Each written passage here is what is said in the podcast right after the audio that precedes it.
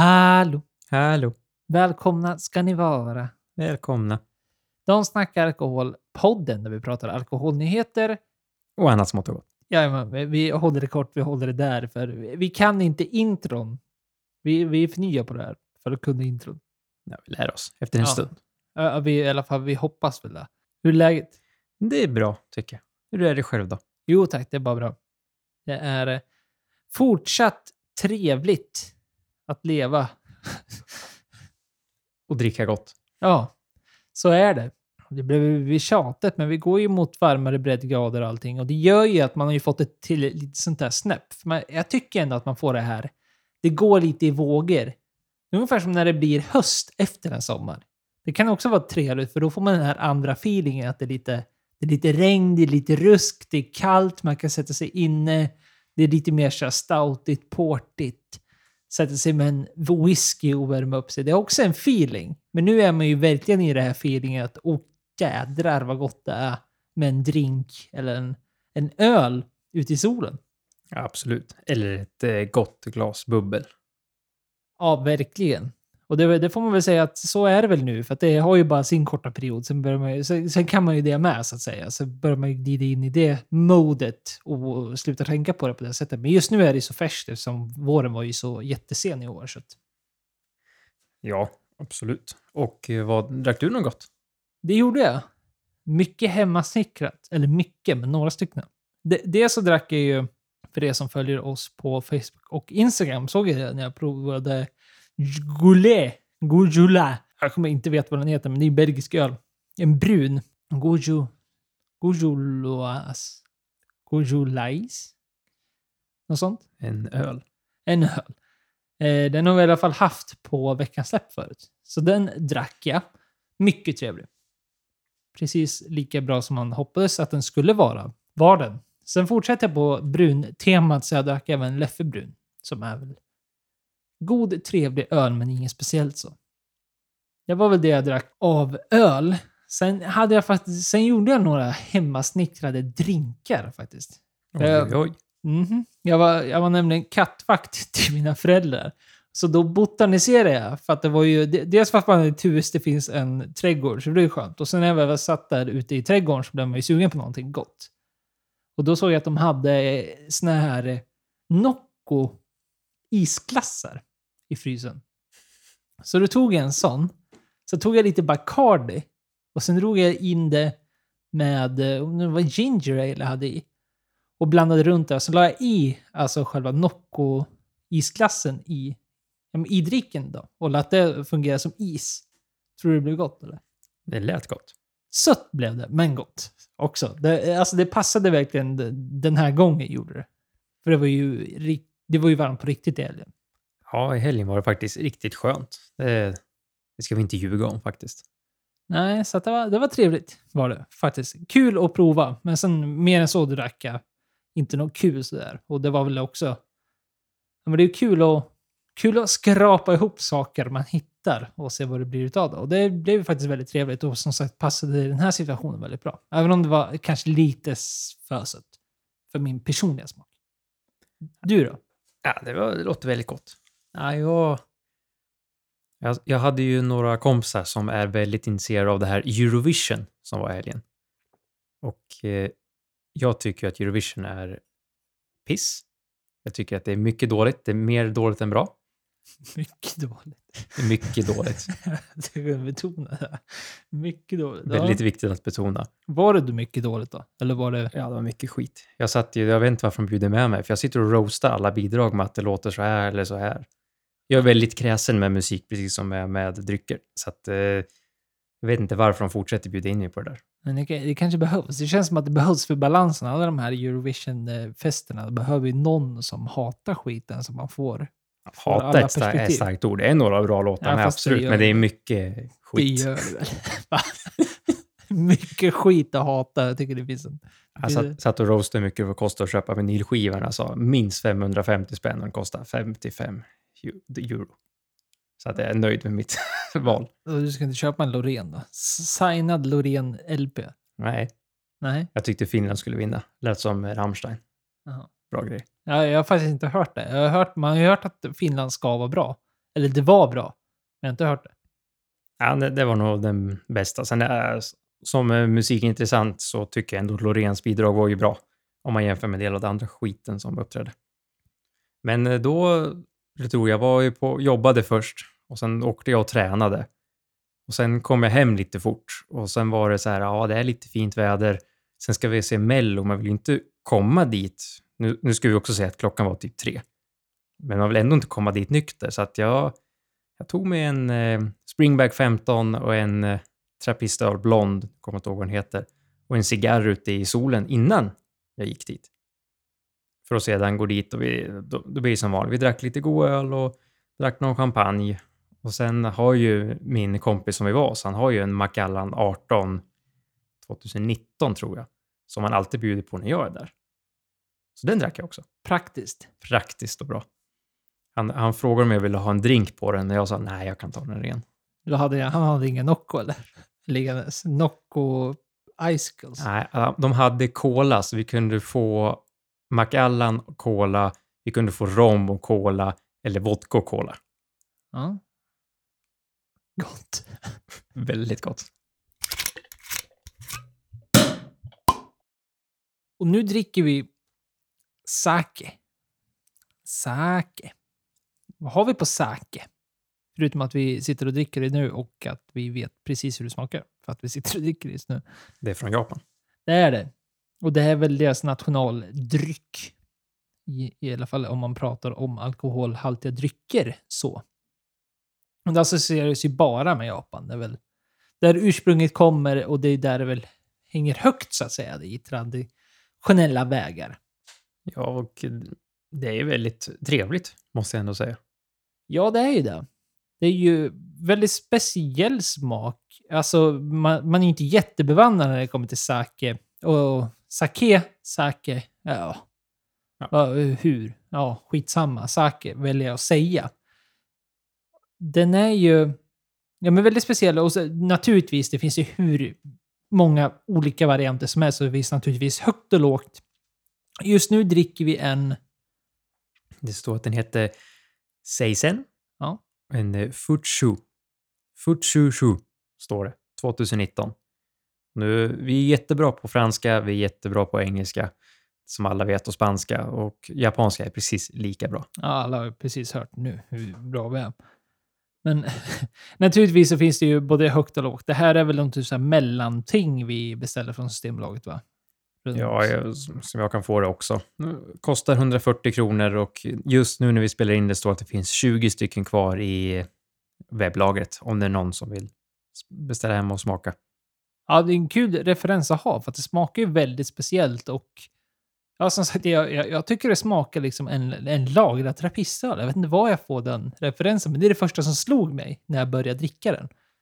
Att det är liksom om jag ska hitta någon typ av annan dryckesreferens så påminner den väldigt mycket om just det här trappistiga. Alltså den här trappistiga sötman, kan man säga så? Jo, det kan jag hålla med om. Jag fick det inte först heller, men när du säger det så ja, lite grann faktiskt. Ja, nej men eh, som sagt, det finns ju naturligtvis flera typer av varianter än just den vi dricker idag. Och det finns ju säkerligen mycket sämre och det finns ju säkerligen mycket bättre. Så det är svårt att generalisera hur det smakar på det sättet, utan det kan vi ju ändå inte göra. Men rent generellt så, så är det ju, den är ju väldigt så här, vad ska man säga, att den blandas oftast ihop med typer av drycker, för man vill ju oftast associera det till någonting.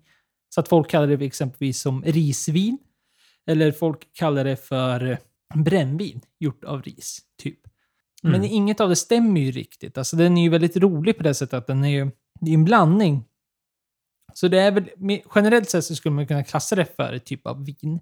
Men det, tillverkningsprocessen liknar ju mer hur man gör öl.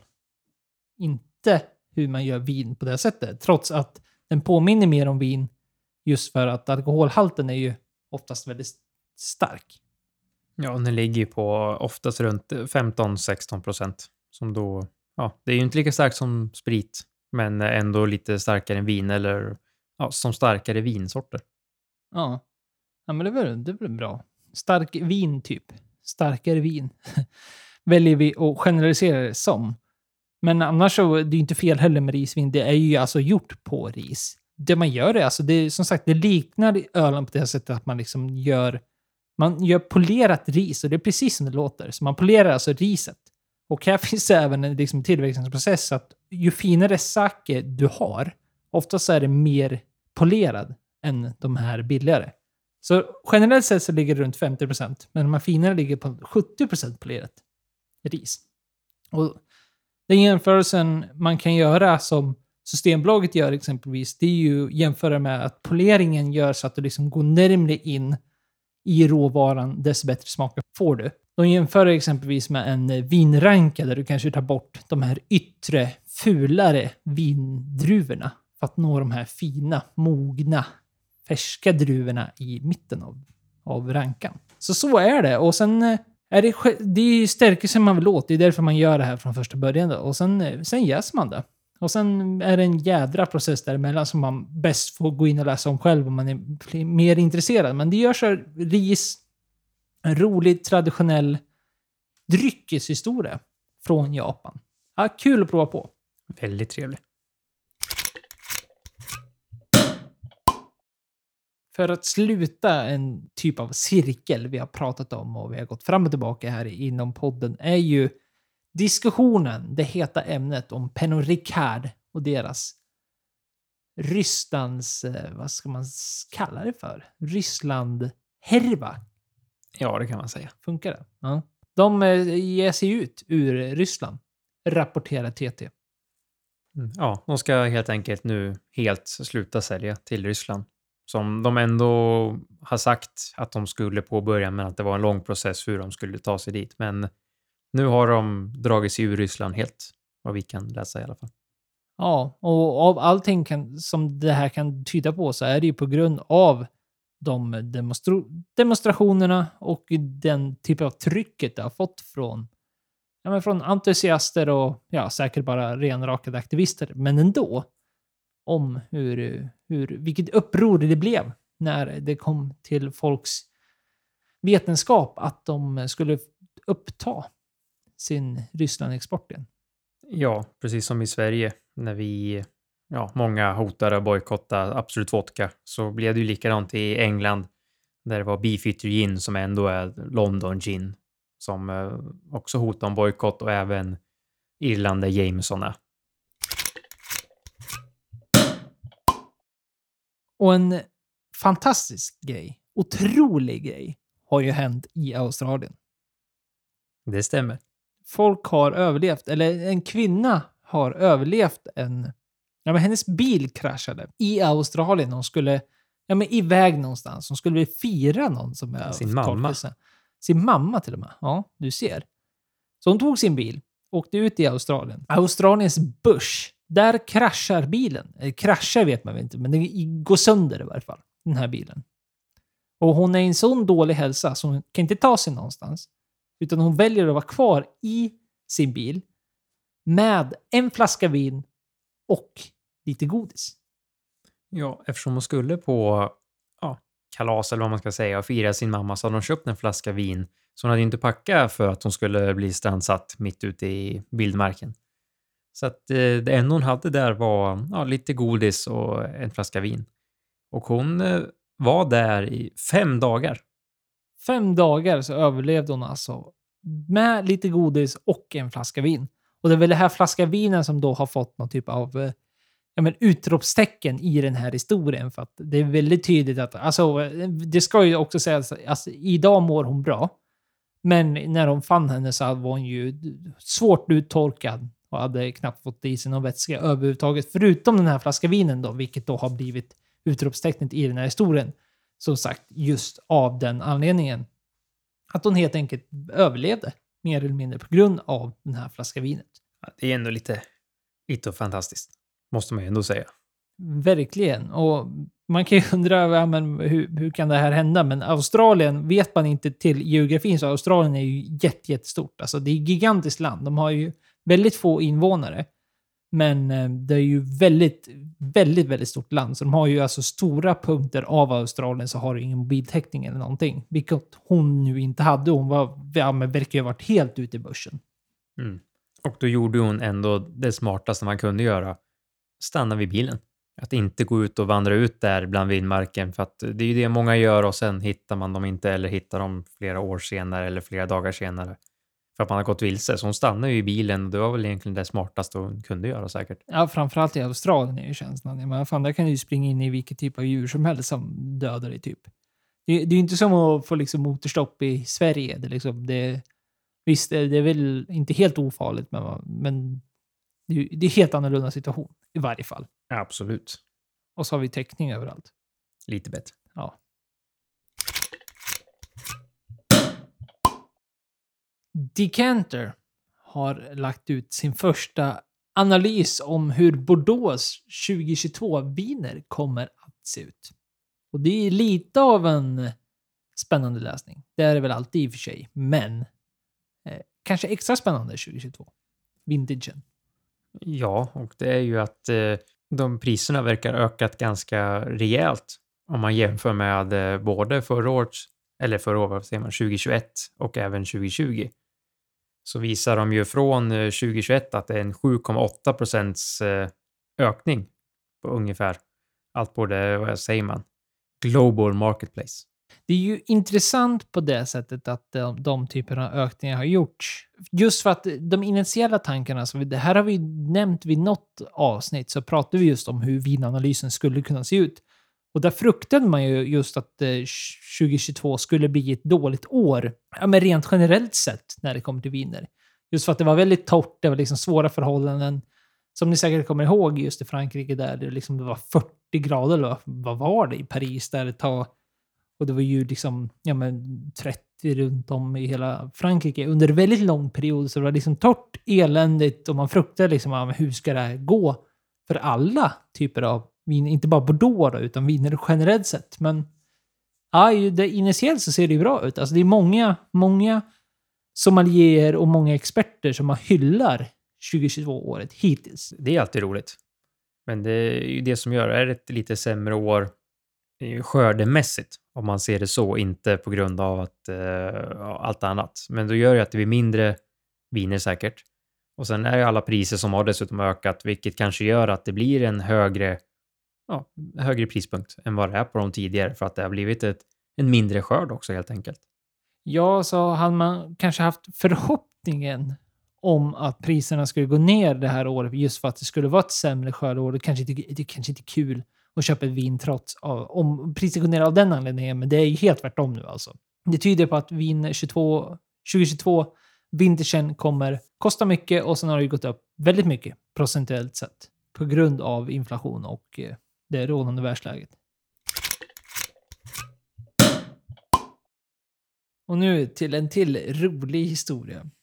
Ja, inte för att den förra var tråkiga på något sätt, men rolig på det sättet för att det är roligt att höra var ju nu att det var en nyzeeländsk, Nya Zeelands äldsta man som har kommit ut med en liten hemlighet.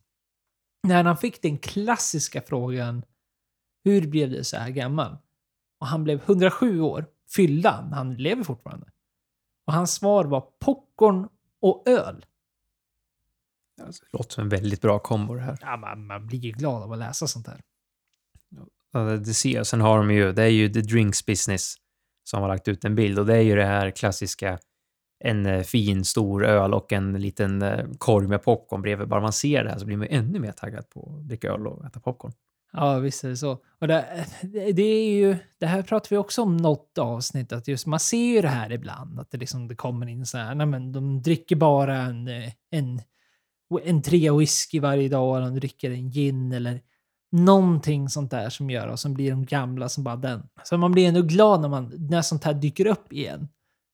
Men speciellt med det här är väl just det att han, han säger ju själv att det har ju naturligtvis ingenting med själva ölen att göra och hela den biten, utan det är, Det är bara popcornen. det är bara popcornen. Um, han pratar bara om det, liksom, det är det det symboliserar. Alltså ända sen, han har alltså druckit öl och ätit popcorn ända sedan kriget slutade. Och då pratar vi väl andra världskriget får man väl gissa utifrån. Ja, han är ju en eh, andra världskrig-veteran. Han är ju född av 1916. ja, så det var ju ett tag sedan. Men det, det han går tillbaka till är just det här att liksom njuta av det du kan njuta av. Alltså det här är, verkar ju vara då en man som verkligen har tagit alla små steg i livet och njuter av det mesta. Och det är det han menar med det här med ölen och popcornen. Är att det var två saker han verkligen älskar och så har han gjort det så pass länge sedan kriget slutade. Ja, i stort sett varje vecka. Det är ju inte första gången man hör om något sånt här. Och det, jag vet ju att det finns ju någon svensk, om det är P3 eller om det är TV eller vad det var, där de intervjuar om det är någon äldre dam eller om det är någon pensionär som frågar vad, vad, vad hon njuter av eller hur det var. Och hon säger ju att ha alltid så här, dricka ett glas champagne en tisdag finns inget bättre. Och så börjar ju de som intervjuar säga typ att ja, ja men ska du inte något annat? Och hon bara nej! Alltid ha en flaska champagne hemma, för man vet aldrig när man blir sugen på det och man ska lyxa till en vardag för att det gör det lilla extra. Mm, men verkligen. Och man hör ju det jag tycker är så färskt på något sätt i alla fall. Det är ju som hussättet han säger det. Och just om, ja, med den historien du berättar nu också. Att man ser det som, för annars har det liksom varit de här forskningarna och så har det varit de här debatterna. Att ja, men är det någonting med alkohol som gör att, att man håller sig lätt, liksom det håller på, det bryter ner, immunförsvaret måste jobba, bla bla bla bla bla. Att all forskning är liksom utkastad ur fönstret här och de kör bara på ren känsla. Att det, liksom, det handlar inte om det. Det handlar inte om vad alkoholen gör, det handlar inte om liksom, alkoholhaltiga drycken i sig, utan det är bara någonting de avnjuter och det gör att de mår bra. De känner sig bättre, de njuter av livet och därför blir de jäkligt gamla också. Då kommer vi leva hur länge som helst.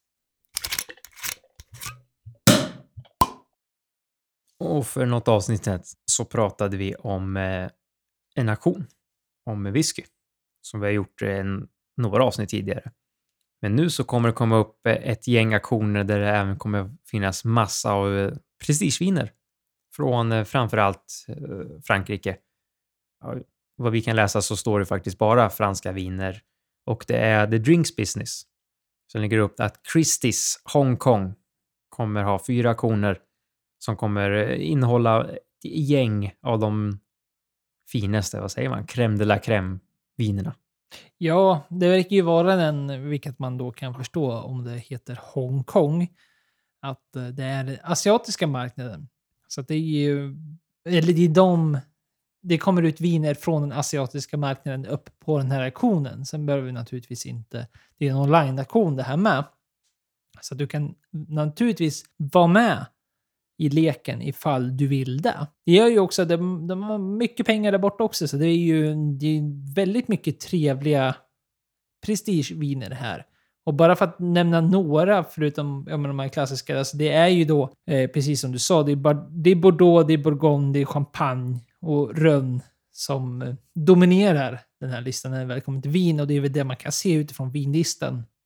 Men sen är det några stycken skotska whiskys och framförallt japanska whiskys. Kurisawa som ska vara en helt otrolig Kurisawa-samling av... Eh, det finns ju inte jättemånga där ute, hela samlingar sådana här som går så här långt tillbaka som den här verkar göra. Så det är väl kul. Nej, det är väl framförallt vinet. Eh, prestigevinerna. Och det är ju alltså precis som man, bara för att nämna några då, Bordeauxviner exempelvis, så är det Latour, Margaux, La Mission Hopbrion, som då är liksom, ja men, Grand Cru som finns där. Så finns det lite Lafitte. Ja, det är mycket här alltså. Ja, och en av de här vinerna som de eh, faktiskt gör ganska stort reklam för är ju den här Magnumflaskan av Moiton 1945. Som då är ju en av de här ja, svåra överkomna vinerna som då håller och det är ju en Vintage 1945 så att den är ju några år på nacken där med. Och det blir ju ett, som många säger, så här, krigsvin. Det var ju precis där i slutet av andra världskriget och det är Frankrike och allting, så att det blir ju exceptionellt där och det ska även vara en mycket bra årgång. Mm. Ja, men det, är, det är mäktigt att se en sån här typ av lista när man går in och kollar på. Som sagt, eh, precis som du sa så var det ju drinks business ifall du vill gå in själv och kolla lite av vad den här eh, aktionen erbjuder. Det är ovanligt att se alla fem chateauer från Bordeaux högsta att vara ute på en auktion så här. Det är både högt och lågt från årgångar och så vidare. Så att det är, ja, nej, det är svårt att säga något annat än att det är otroligt häftig samling som kommer ut på auktion. Sen hur många det är av er lyssnare, och säkerligen inte vi som kommer vara med och buda här. Slutar vi buda där vid 500 spänn kanske. Ja, det är väl inte ens instegspriser för att komma in här. Bara för att nämna så är det ju även ett gäng fina bourgogneviner som till exempel eh, Romani Conti och eh, Latache. Avsnittets ämne denna gång tänkte vi dra, ja men hylla eller prata om lite det vi håller på med. Det är ju andra typer av, vad ska vi kalla oss, kreatörer eller folk som i, pratar alkoholhaltiga drycker på något vis. Och kanske inte poddar, utan nu hade vi tänkt lite mer nischat till eh, YouTube. Ja, och det är ju något som faktiskt vi har kollat på in, långt innan vi började podda eller ens prata om podda. Så Youtube är ju en väldigt stor plattform där det finns allt. I början så var det ju mycket musik och musikvideos för att sedan bli eh, humorkanaler och eh, content creators och sen finns det massa, vad säger man, playthroughs och det är gamings och det är massa annat. Men det, är, det finns faktiskt något som kallas för WhiskyTube. Det är ju ganska stort i alla fall. Ja, whisky och viner är väl det en personligen har tittat mycket på.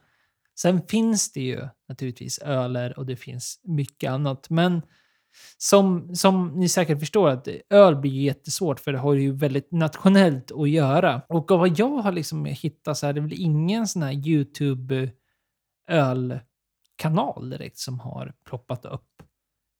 I min vetenskap i varje fall. För att det skulle naturligtvis vara intressant, kanske, om de skulle göra det på ett bra sätt naturligtvis. Det är ju så, så bottnar det ju allt sånt här. Att det måste vara, det måste vara bra, inte bara intressant, utan man, måste ju ha hela den här helheten. Av eh, både, men kanske komik, underhållning och eh, innehållsmässigt lagom så. Och eh, öl är ju jättesvårt just för att det är så pass ja, men, nationellt. Alltså, det, det är klart det finns jättemycket craft beers i USA. Det finns stora större, stora, det är, i och för sig, det är naturligtvis relativt framförallt på YouTube idag, men som ändå är stora. Men det blir det är ju långt bort från en annan för att det är mycket av den ölen de pratar om, naturligtvis, som inte går att få tag på här. Och så skulle det naturligtvis vara vice versa också. Och det, det gör ju det svårt med just den sortens eh, content create om man jämför med till exempel viner och whisky som då är exakt likadant. Kollar på en YouTube-kanal i USA där de testar bourbon. Då kommer de ju nämna bourbon som man aldrig hört talas om och bourbon som man aldrig kommer se och det är som de säger store picks som affärer själva buteljerar en egen av någon av deras eh, alltså kändare märken eller mindre märken. Som då gör ju att det blir det är omöjligt för gemene man att ens få tag på eller testa den. Ja, och jag tror och jag gissar att det är väl säkert därför det inte har flugit lika bra som kanske whiskyn har gjort inom, inom då kategorin YouTube. Om man jämför med, men som sagt, det finns de här vissa vinerna, framförallt när man pratar om prestigeviner, som det finns eh, ja, men, hyfsat stora kanaler. Och mycket intressanta och roliga kanaler att se på. Men det flyger inte alls lika mycket som de kanske drinkkanaler gör. Eller kanaler som liksom fokuserar på vissa specifika grundliga drycker. Mer grundligt mässigt. Alltså då menar jag oavsett om du söker på tequila eller eh, mescal eller ja, men öl eller någon typ av spritform. Där man kanske gör en... Det finns ju någon kanal där de gör en resa mer eller mindre. Det är en snubbe som åker runt, som som åker till Mexiko och sen får han följa med hur man gör tequila. Sen kanske han åker över till Frankrike och som är med när de gör konjak och så vidare. Det är ju intressant att se på. Men det är ju väldigt få avsnitt just för att det är ju oftast där intresset slaknar på något sätt. Vilket inte är konstigt heller, för om man då tänker på då, återigen om man backar tillbaks till varför jag tror att whisky fungerar bättre i en plattform på YouTube är ju, även om det finns något otroligt mycket scotch whisky-destillerier, jag menar det finns ju väldigt många, men tar, jämför det med hur många bryggerier, ölbryggerier eller vinproducenter det existerar så är det ju helt plötsligt relativt lite. Eller det är relativt få. Så att där kan du ju faktiskt nischa in dig på ett helt annat sätt och skapa en publik som hänger med med de få destillerierna som gör nya uttryck hela tiden. Du kan få liksom ja, men, nytt innehåll som folk faktiskt har koll på. Och eh, det är ju inte, det är inte gratis om det inte är så att du eh, tjänar mycket pengar eller får massa reklam och så vidare. Men du, du kommer ju gratis content på de här kanalerna eh, med whisky, om vi tar just det. Ta nu när Ardbeg släpper sin nya. Det är ju garanterat clips för att det är jättemånga som kommer vilja kolla och se och säga hur tycker de den smakar och eh, hur är den och är den värd pengarna och sådär. Så det är ju många som söker upp faktiskt för att se smaknoter från de här youtuberna. För att veta liksom, är det värt att lägga de här pengarna där jag bor? Så, och det släpps ju sådana här flaskor hela tiden och vilka som är populära upp och ner. Mm. Nej men visst, och den här, den här communityn, om man ska vilja kalla det så, är ju inte... Det är också återigen relativt sett till annan typ av YouTube den publiken som existerar på YouTube så är den ju väl relativt liten. Det får man väl ändå säga. Menar, de största kanalerna har ju inte mer än 200-300 000 eh, följare. Och det är ju naturligtvis jättemycket. De kanske börjar närma sig halv miljon till och med. Det är ju väldigt, väldigt få. Jag menar, har bara en i huvudet just nu. Men som även snittar mindre i, i sina klipp. Ämnet här, det vi tänkte diskutera, det är väl snarare bara så här, ja men kanske rent allmänt öppet som vi då tror att du som entusiast är om just hur YouTube och hur man ser på YouTube i, idag som då en plattform som fördjupar sig inom alkoholhaltiga drycker. För förutom poddar då, så är väl YouTube den största plattformen just för detta. Skulle jag absolut säga.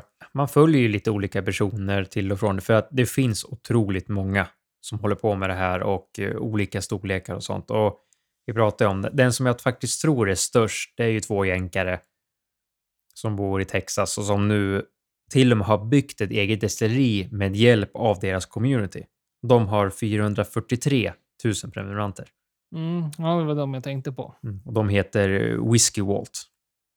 Och de har ju även en till kanal som heter Whiskey Tribe som jag tror typ är den näst största. Ja, och de ska ju sägas också att de är stora de kan man väl ändå rekommendera. Jag tycker ändå det är kul och de har en bra blandning för att det är oftast där folk missar när det väl kommer till YouTube-content och sånt där. Att det är ju det är ju en väldigt liten publik, otroligt nischad publik, som endast kommer kolla in och kolla på det här nördiga snacket. Om man vill kalla det så. Utan de är ganska duktiga på att blanda in underhållning i det hela också. Ja, och nu måste jag rätta mig själv för nu sökte jag upp Whiskey Tribe som är deras andra kanal de startat senare har 508 000 prenumeranter.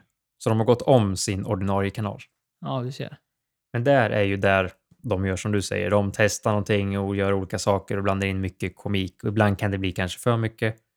Medan den andra, Whiskey Vault, det är då de testar. Så det är ju en ren, vad ska man säga, testkanal. Alltså, de provar whiskys och bara dricker och eh, ger en review. Mm. Nej, och så är det ju även inom de här, jag menar, nu får man ju prata om det man faktiskt har sett själv och den andra, den stora kategorin en annan kollar på så är det ju då viner. Och viner så är det lättare och kolla just de här, jag menar, dyrare flaskorna. Vilket å andra sidan kanske är det man är mest intresserad av. För ska du lägga mycket pengar på en flaska så vill du naturligtvis göra din research och du vill gärna höra från då oftast sommelier vad de tycker och tänker. Och de har ju oftast en fantastisk referensram så att de kan faktiskt kanske klämma in det någonstans och försöka beskriva det på någonting du kanske vet vad du förväntar dig om du väl skulle köpa den flaskan. Men där är det också väldigt nischat då återigen just för att det är oftast prestige eh, champagner eller viner överlag. Så Barolo och liksom Bourgogne-viner eller Bordeaux-viner. De här mer obskyra som kanske är egentligen roligare för, för ja, men, gemene entusiast för att det kanske kan vara flaskor som är dels mer tillgängliga och dels mer lätta för plånboken som kanske är det viktigaste. Men sådana är ju svåra att hitta som håller en ja, men konsekvent hög nivå.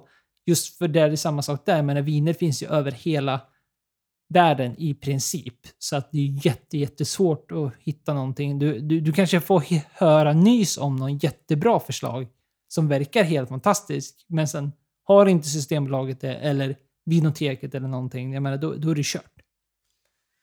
Det gör ju faktiskt ganska svårt. Och det blir ju ofta vilket land man är i. Jag kollar ju mycket på en eh, som heter Konstantin Baum som är Master of Wine. Och han har gjort både och. Han har testat gamla viner, prestigeviner och champagne. Men han har även kört typ så här de mest sålda vinerna på eh, Addi eller Abdi eller vad de heter och Lidl. Men då han är ju från Tyskland. Där säljer Tyskland viner. Så det blir också en sak som inte vi kan ta på. Då provar han både och. Men så ibland mest eh, populära viner på Vivino som man ändå kan gå in och kolla. En del av dem finns ju faktiskt för oss att få tag på. Men det, det är svårt. Att, eh, men det gäller fortfarande att man håller underhållande. Sen tycker jag att man lär sig vart sitter ens egen referens. Du kan ju titta på någon som man tycker att du har helt fel. Du, så här, det, jag, jag håller inte med dig överhuvudtaget. Jag tycker den här vinet eller den här whiskyn är jättegod. Du säger att den är jätteäcklig. Då lär man sig ganska fort, okej, okay, vi tycker inte samma sak. Att säger han att det här är äckligt, för han tycker allt rökigt är äckligt. Då vet man redan om det innan han ens provar det. Ja, och det är ju jätteviktigt oavsett vilken typ av recensent du följer eller någon, om du ska lyssna på det oavsett, det, men det kan, vara, det kan vara vi. Alltså sitter vi och pratar och höjer någonting exempelvis, men då om du förstår våra referensramar och vi kommer på dem som vi även, det finns på vår hemsida, bland annat Detsnackaralkohol.com så kan du läsa just om det här för att vi tycker det är så pass viktigt att få inslag av referenser. Och sen är inte vi vi provar ju inte saker på det sättet utan vi sitter och dricker någonting till varje avsnitt, sen pratar vi mer om ämnen. Men i de här lägena, som om man ska följa någon på YouTube eller någon som faktiskt provar, då blir det helt plötsligt jätte, jätteviktigt. Precis som du säger, är det någon som inte gillar sherry exempelvis, som det finns en hel del whiskyälskare där ute, stora entusiaster som inte föredrar sherry, men då, då, är det naturligtvis jätterelevant. För att då, skulle de prova en sherry som kanske du tycker är fantastisk, som kanske föredrar sherry, då måste det naturligtvis vara i ekvationen, det ska man inte ens behöva säga, men ibland blir man ju förvånad över hur folk inte förstår det här subjektiva bakom en smaknot exempelvis. Och där gäller det, behöver nödvändigtvis inte vara så att du håller med den som provar och att du inte håller med deras smaknoter, utan det handlar snarare, snarare om att ha vetenskapen om hur dina preferenser och den som provars preferenser förhåller sig till varandra. Det kan jag helt hålla med och om man tittar på YouTube, som vi ändå gör, jag vet inte hur ofta du gör det, som jag brukar kolla nästan varje dag. Inte alltid på whisky eller vinrelaterat, men ibland kommer det om man är lite intresserad och koll, alltså bara se vad som finns där ute.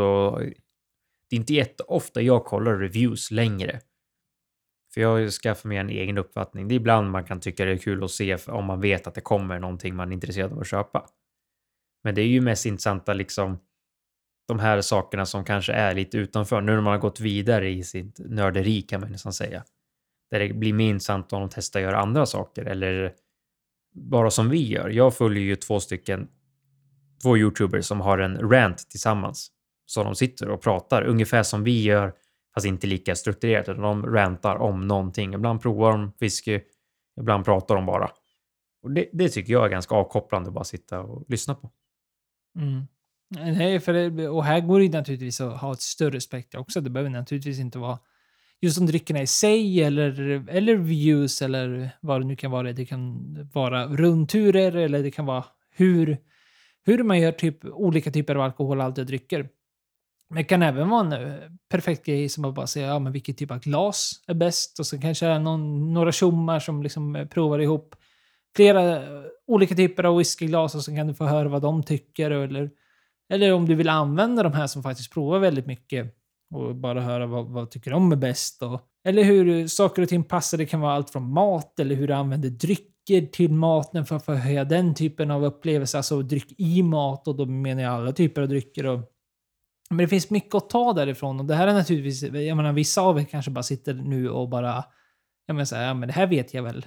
men men det är ändå förvånande. Det är kanske därför vi vill lyfta det här som ett ämne. Dels för att vi är ganska engagerade båda två och vi använder det här. Men vi är ju av den generationen också som är väldigt insatta i YouTube av vad jag har märkt som kanske lutar sig mer åt ja, men, innehåll, underhållning där du faktiskt väljer själv vad du vill göra. Vi är inte så mycket av den här tv-generationen om man jämför mot dem då. Som man kanske är van vid att bara slå på tvn och sen titta på vad som existerar. Utan vi är mer av den här YouTube-generationen. Och är du själv inte det, det är väl dig vi försöker lyfta det här mer åt.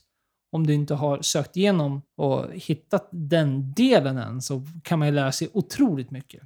Vilket du säkert också har. Men du kanske får lite inputs i alla fall om saker du kanske har missat. I alla fall. För jag tror har du hittat oss då har du säkert hittat flera typer av intressanta YouTube-innehåll och lärolika saker där ute. Ja, absolut. Och sen ska vi även slå ett slag att det finns en del svenska YouTubers som man tittar, jag ska inte säga att jag följer någon kontinuerligt, men när det kommer något intressant avsnitt ibland, men det är ju ingen som är helt inriktad på bara en viss typ av dryck. Jag har ju sett, eh, båda vi har ju kollat lite på Matgeek när han släpper sådana avsnitt och några avsnitt med David Kringlund till exempel. Men jag kan inte säga att jag är en eh, full följare och kollar varenda avsnitt. Jag kollar på det som intresserar mig och det är så det är med YouTube. Släpper någon en review på en flaska du vill veta, då behöver du inte kolla de andra 200 videorna på 200 flaskor du inte bryr dig någonting om.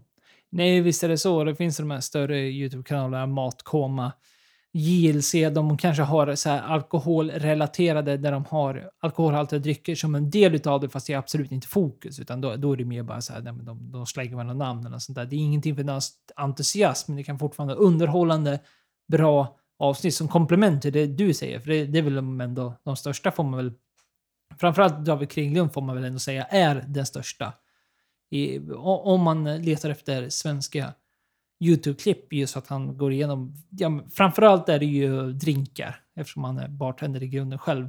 Men han eh, intervjuar intressanta gäster.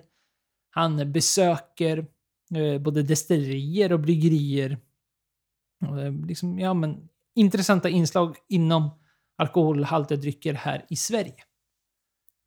Det ska han absolut ha cred för. Så att, eh, har, har ni inte sett han eller missat det totalt så gå in och kolla för han har faktiskt lite om whisky och lite om, som du säger, rundturer och annat. Så att, eh, det kan vi absolut rekommendera.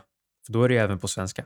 Använd YouTube, lär dig mycket därifrån. Om du inte lär dig mycket, men det är kul och bara intressant att höra vad andra tycker och tänker.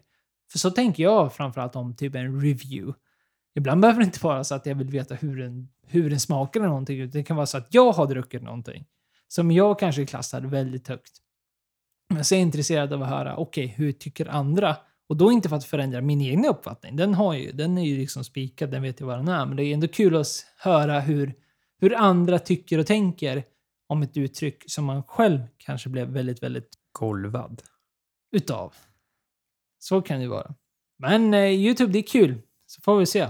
Kanske kommer en vacker dag där eh, de snackar alkohol, gör något inslag. Den som lever får se. Den som lever får se. Och då var det dags. Med spänning har ni sett igenom dessa långa minuter för att hoppa hit. För ni har inte vågat hoppa direkt i tippet. Det går ju naturligtvis inte. Och timestampar det har vi inte tid med. Nej, nej, nej. Det gör vi inte på den här kanalen. Det går inte. Nej. Har du börjat så går det inte stänga av förrän det är slut. Nej, Sån service erbjuder vi inte, så du måste med spänning och nervositet invänta veckans släpp. Som kommer här. Och jag dundrar ändå igång med eh, en väntad, ett väntat val ska jag ändå vilja påstå i alla fall. Och det är Kid Karen Cask Strength Sherry Cask 8 years. Som är en helt fantastisk whisky. Och det här är en sån här whisky som har varit högt upp på min lista ända sedan jag ja, men provade första släppet. För jag minns fortfarande när de skulle släppa det här för första gången. Och det hade jag precis druckit Killcaren 12-åriga. Eh, jag blev väldigt positivt överraskad av deras eh, tidigare. Och då var de ju fortfarande ganska så här... Eh, ja, men, de, de var inte jätte-household, Killcaren. Med den här releasen så blev de väl det. Den här blev ju jättehypad. Jag hade tur och fick tag på en flaska då, för att det släpps inte så jättemycket. Och sen dess har de fyllt på och så har de släppt batch efter batch efter batch. Och nu vet jag helt ärligt inte vilken, vilken i ordningen den här är. Det är ett tag sedan nu. Jag vet inte hur många flaskor jag har druckit. Jag vet inte hur många flaskor jag kommer dricka i framtiden. Men jag håller den här jättehögt. Och varför? Är dels för att det är en whisky som passar mig. Den är väldigt ja, men rökig, skitig whisky. Den kommer från Cabletown. Den kostar bara 789 spänn. Som jag tycker är ett riktigt, riktigt kappris för den här whiskyn. Som då ligger på 57,5 procent och det här kan ju då variera naturligtvis mellan batcherna. Men just den här ska ligga på 57,5. Nej, den är helt, helt otrolig. Släpps den 25. Ja, det, det är en bra whisky. Jag kan ju säga att jag också äger två flaskor av den. Så att, ja, den, det är en bra. Så den var också med på eh, min lista av som fanns, men jag valde att inte välja den. Utan en av de första jag valde, det är Gammelstilla. Som släpper en eh, whisky som kommer heta 2023. Och om jag inte missminner mig helt på tok för mycket så vill jag få att det här är en av dem som faktiskt släpptes på båten jag åkte whisky för som han eh, bjöd på. Jag vill minnas att den var väldigt, väldigt trevlig. Så jag vill gärna slå ett slag här för att eh, kul när kommer mer svensk whisky. Vi har ju pratat om High Coast tidigare och vi har pratat om Agitator och Mackmyra. Men att det kommer fler eh, svenska whiskydestillerier så att eh, den här kommer släppas den eh, 26 femte. Kommer kosta 867 kronor. Och den är på 53,1 procent, vilket också är kul. Att den inte är nedvattnad så mycket. Att den faktiskt eh, har en bra alkohol i sig. Och de har ju ändå bara funnits sedan eh, 2005 grundades ja, Gammelstilla Whisky AB. Och 2017 kom den eh, första buteljeringen av färdig whisky, så det är inte så länge de har hållit på heller. Det är mitt första förslag. Mm -hmm. Spännande, spännande. Mitt andra släpp för detta avsnitt så är det en öl går jag över på. Och inte mindre än Brygghuset Finn som har, släpper några uttryck denna vecka. Eller nästa vecka, får man väl säga. Men jag har valt och fastnat för eh, Finn Svensk Bock. Som då du kanske hör på namnet är en eh, bocköl. En ljus sådan som eh, släpps den 26. Den femte blir nästa fredag, va? Jo, nästa fredag. Stämmer. Blir det. Ska kosta 35 kronor plus pant. Och Finn är ju lite roliga just för att de har väldigt många uttryck om det till och med kanske alla, reserverar mig för fel där, men väldigt många i varje fall, som eh, kör på halvliter. Antingen amerikanska pints eller så kör de på halvliter. Så det tycker jag är kul för nu har vi kanske tjatat om det här i några avsnitt i rad. Men just det kul jag tycker är att det finns eh, erbjudanden. Det finns ju de här som tycker det är kul med mindre, eller föredrar mindre burkar eller mindre flaskor. Just för att ja, men de vill prova mycket under en kväll. Men jag kan samtidigt tycka att jag vill ha en, en typ av ja, men en balans där. Ibland vill jag ha svensk hantverksöl i större format. Så att kan, man kan ta med sig en Exempelvis om du ska iväg på en ja, men förfest eller jag vet, ett sammanhang där du kanske vet att jag menar, eh, du vill ta med dig en som du kan prova till väldigt många om du ska iväg till större sällskap. Och det uppskattar jag verkligen att det finns fler och fler svensk hantverksöl som gör uttryck just på större burkar. Så det uppskattar jag och det är de duktiga på i Finn. Annars så, Finn kommer från Landskro Landskrona. Landskrona. Nej, det är väl ett jävla dåligt uttal. Det är ju så skånskt så det... Landskrona. Ja, det var inte bra. Skåne. Nej, Skåne. Nej, inte bra alls. Det är ett eh, mikrobryggeri som eh, startades eh, 2013, va? Jo, 2013. Ibland är det jobbigt när man liksom läser samtidigt som man försöker tänka och se, se vad, vad det egentligen var det jag läste. Men jo, men 2013 så startade de. Det här är ju då ett uttryck som jag sa är en ljus bocköl. Är en trevlig öl som jag tror de flesta tycker om. Kommer ursprungligen från Einbeck i eh, Tyskland. Så det är tysk öl från eh, själva, alltså ölstilen är tysk i början. Och i Bayern så kallar man det för Bockbier, som eh, just kommer då från Einbeck, som man då kallade för Einbock med den bayerska dialekten. Därför blev det Einbeck och därför blev det bocköl till slut, och det vi kallar för bocköl. Traditionellt sett så brukar bocköl vara mer mörk och har därefter oftast eh, symboliserat med typ jul och så vidare. Men sen på modernare tid så har vi fått även ljusbocköl som mer symboliserar, kan man säga, vår, sommar. Etiketten på den här finburken är ju väldigt somrig i varje fall. Så att eh, det har väl blivit mer åt det hållet. Finn svensk bock. 35 spänn. Säljstart den 26.5. Låter ju väldigt trevligt. Jag kan hålla med det här med att ha en större burk om man ska ta med sig en god ja, sommaröl eller fin hantverksöl om man inte vill släppa med sig mer. Och mitt andra släpp, jag tycker att det är svårt för att jag är ju en riktig ja, fantast av när det kommer saker som man ja, inte ser varje dag och det släpps både den 25 och 26 släpps det massa calvados från Christian Duan. massa Millennium calvados och det släpps även väldigt mycket whisky för de som inte har koll. Både Eh, Kilhoman släpper tre stycken och det släpps eh, Smögen och Capridonic och Longmorn och sen även den här Coronation of King Charles. Men nu ska vi inte babbla om all whisky som släpps. Utan vi tar en whisky bara. Och då måste jag nog ta en Kawila. Som släpps på First Field Bourbon Barrel eh, av Consuel Choice, 20 år ifrån 2002. Och det är Gordon MacPhail, en independent bottler som då har uh, kört in ett fat av uh, Desiree Kawila och släpper det som sitt eget. Gordon MacPhail har ju, är ju en av de, det måste ju nästan vara en av de största independent bottler i Skottland. Ja, framförallt ja, ja, absolut inom, inom eh, whisky. Det är väl Gordon MacPhail och kanske Adelphi som har Ja, ja man, nu ska jag inte rabbla massa sådana, men Gordon MacPhail, ja, Adelphi, Cadenhead.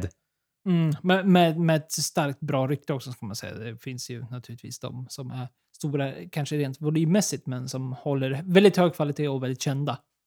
Absolut. Och eh, jag fastnar lite för Gordon McPhail, för jag tycker att det jag har smakat från dem av deras olika tunnor har varit bra. Och sen har man ju hört att ska du dricka Kawila, köp en Kawila från en independent bottler. Och då är Gordon McPhail ett väldigt bra val. Den kommer släppas den 26 femte och kommer kosta 2129 kronor. Så att det är en dyr whisky. Men för mitt försvar, jag som måste försvara mig när jag ska lägga mycket pengar, så släpper ju en annan independent bottler eh, den 25 eh, Octave Premium släpper en 14-årig Kawila för 2295. Så mitt försvar är att jag får mer ålder för en billigare peng så att jag känner mig... Eh, ja, så kanske inte smaken därefter. Ja, måste köpa båda och avgöra. Parallellprova dem. Typiskt. Det blir det jättedyrt. Ja, det är så livet är. Men den släpps i alla fall den 26 femte och kommer kosta 2129. Och det var allt för oss denna vecka. Det kan man säga. Lite mer lättsmält avsnitt, får man inte säga så? Det var väl ändå, men även vi behöver lugna ner oss, trappa ner efter förra veckans tunga avsnitt om vårdförsäljning som, ja, det är ett maffigt ämne, mycket research, mycket tankar ställs om ämnet och naturligtvis svinroligt. Men eh, det känns som att det behövdes. Absolut. Det är skönt att landa lite på jorden igen. Och har du inte hört avsnittet så uh, hoppar du tillbaks ett avsnitt bara så kan du höra det i helhet. Och annars så har du några frågor eller funderingar så kan du höra av dig till oss på Facebook eller Instagram eller på mail på kontakt.dsnackaralkohol.com. Vi hörs naturligtvis nästa vecka. Bye bye!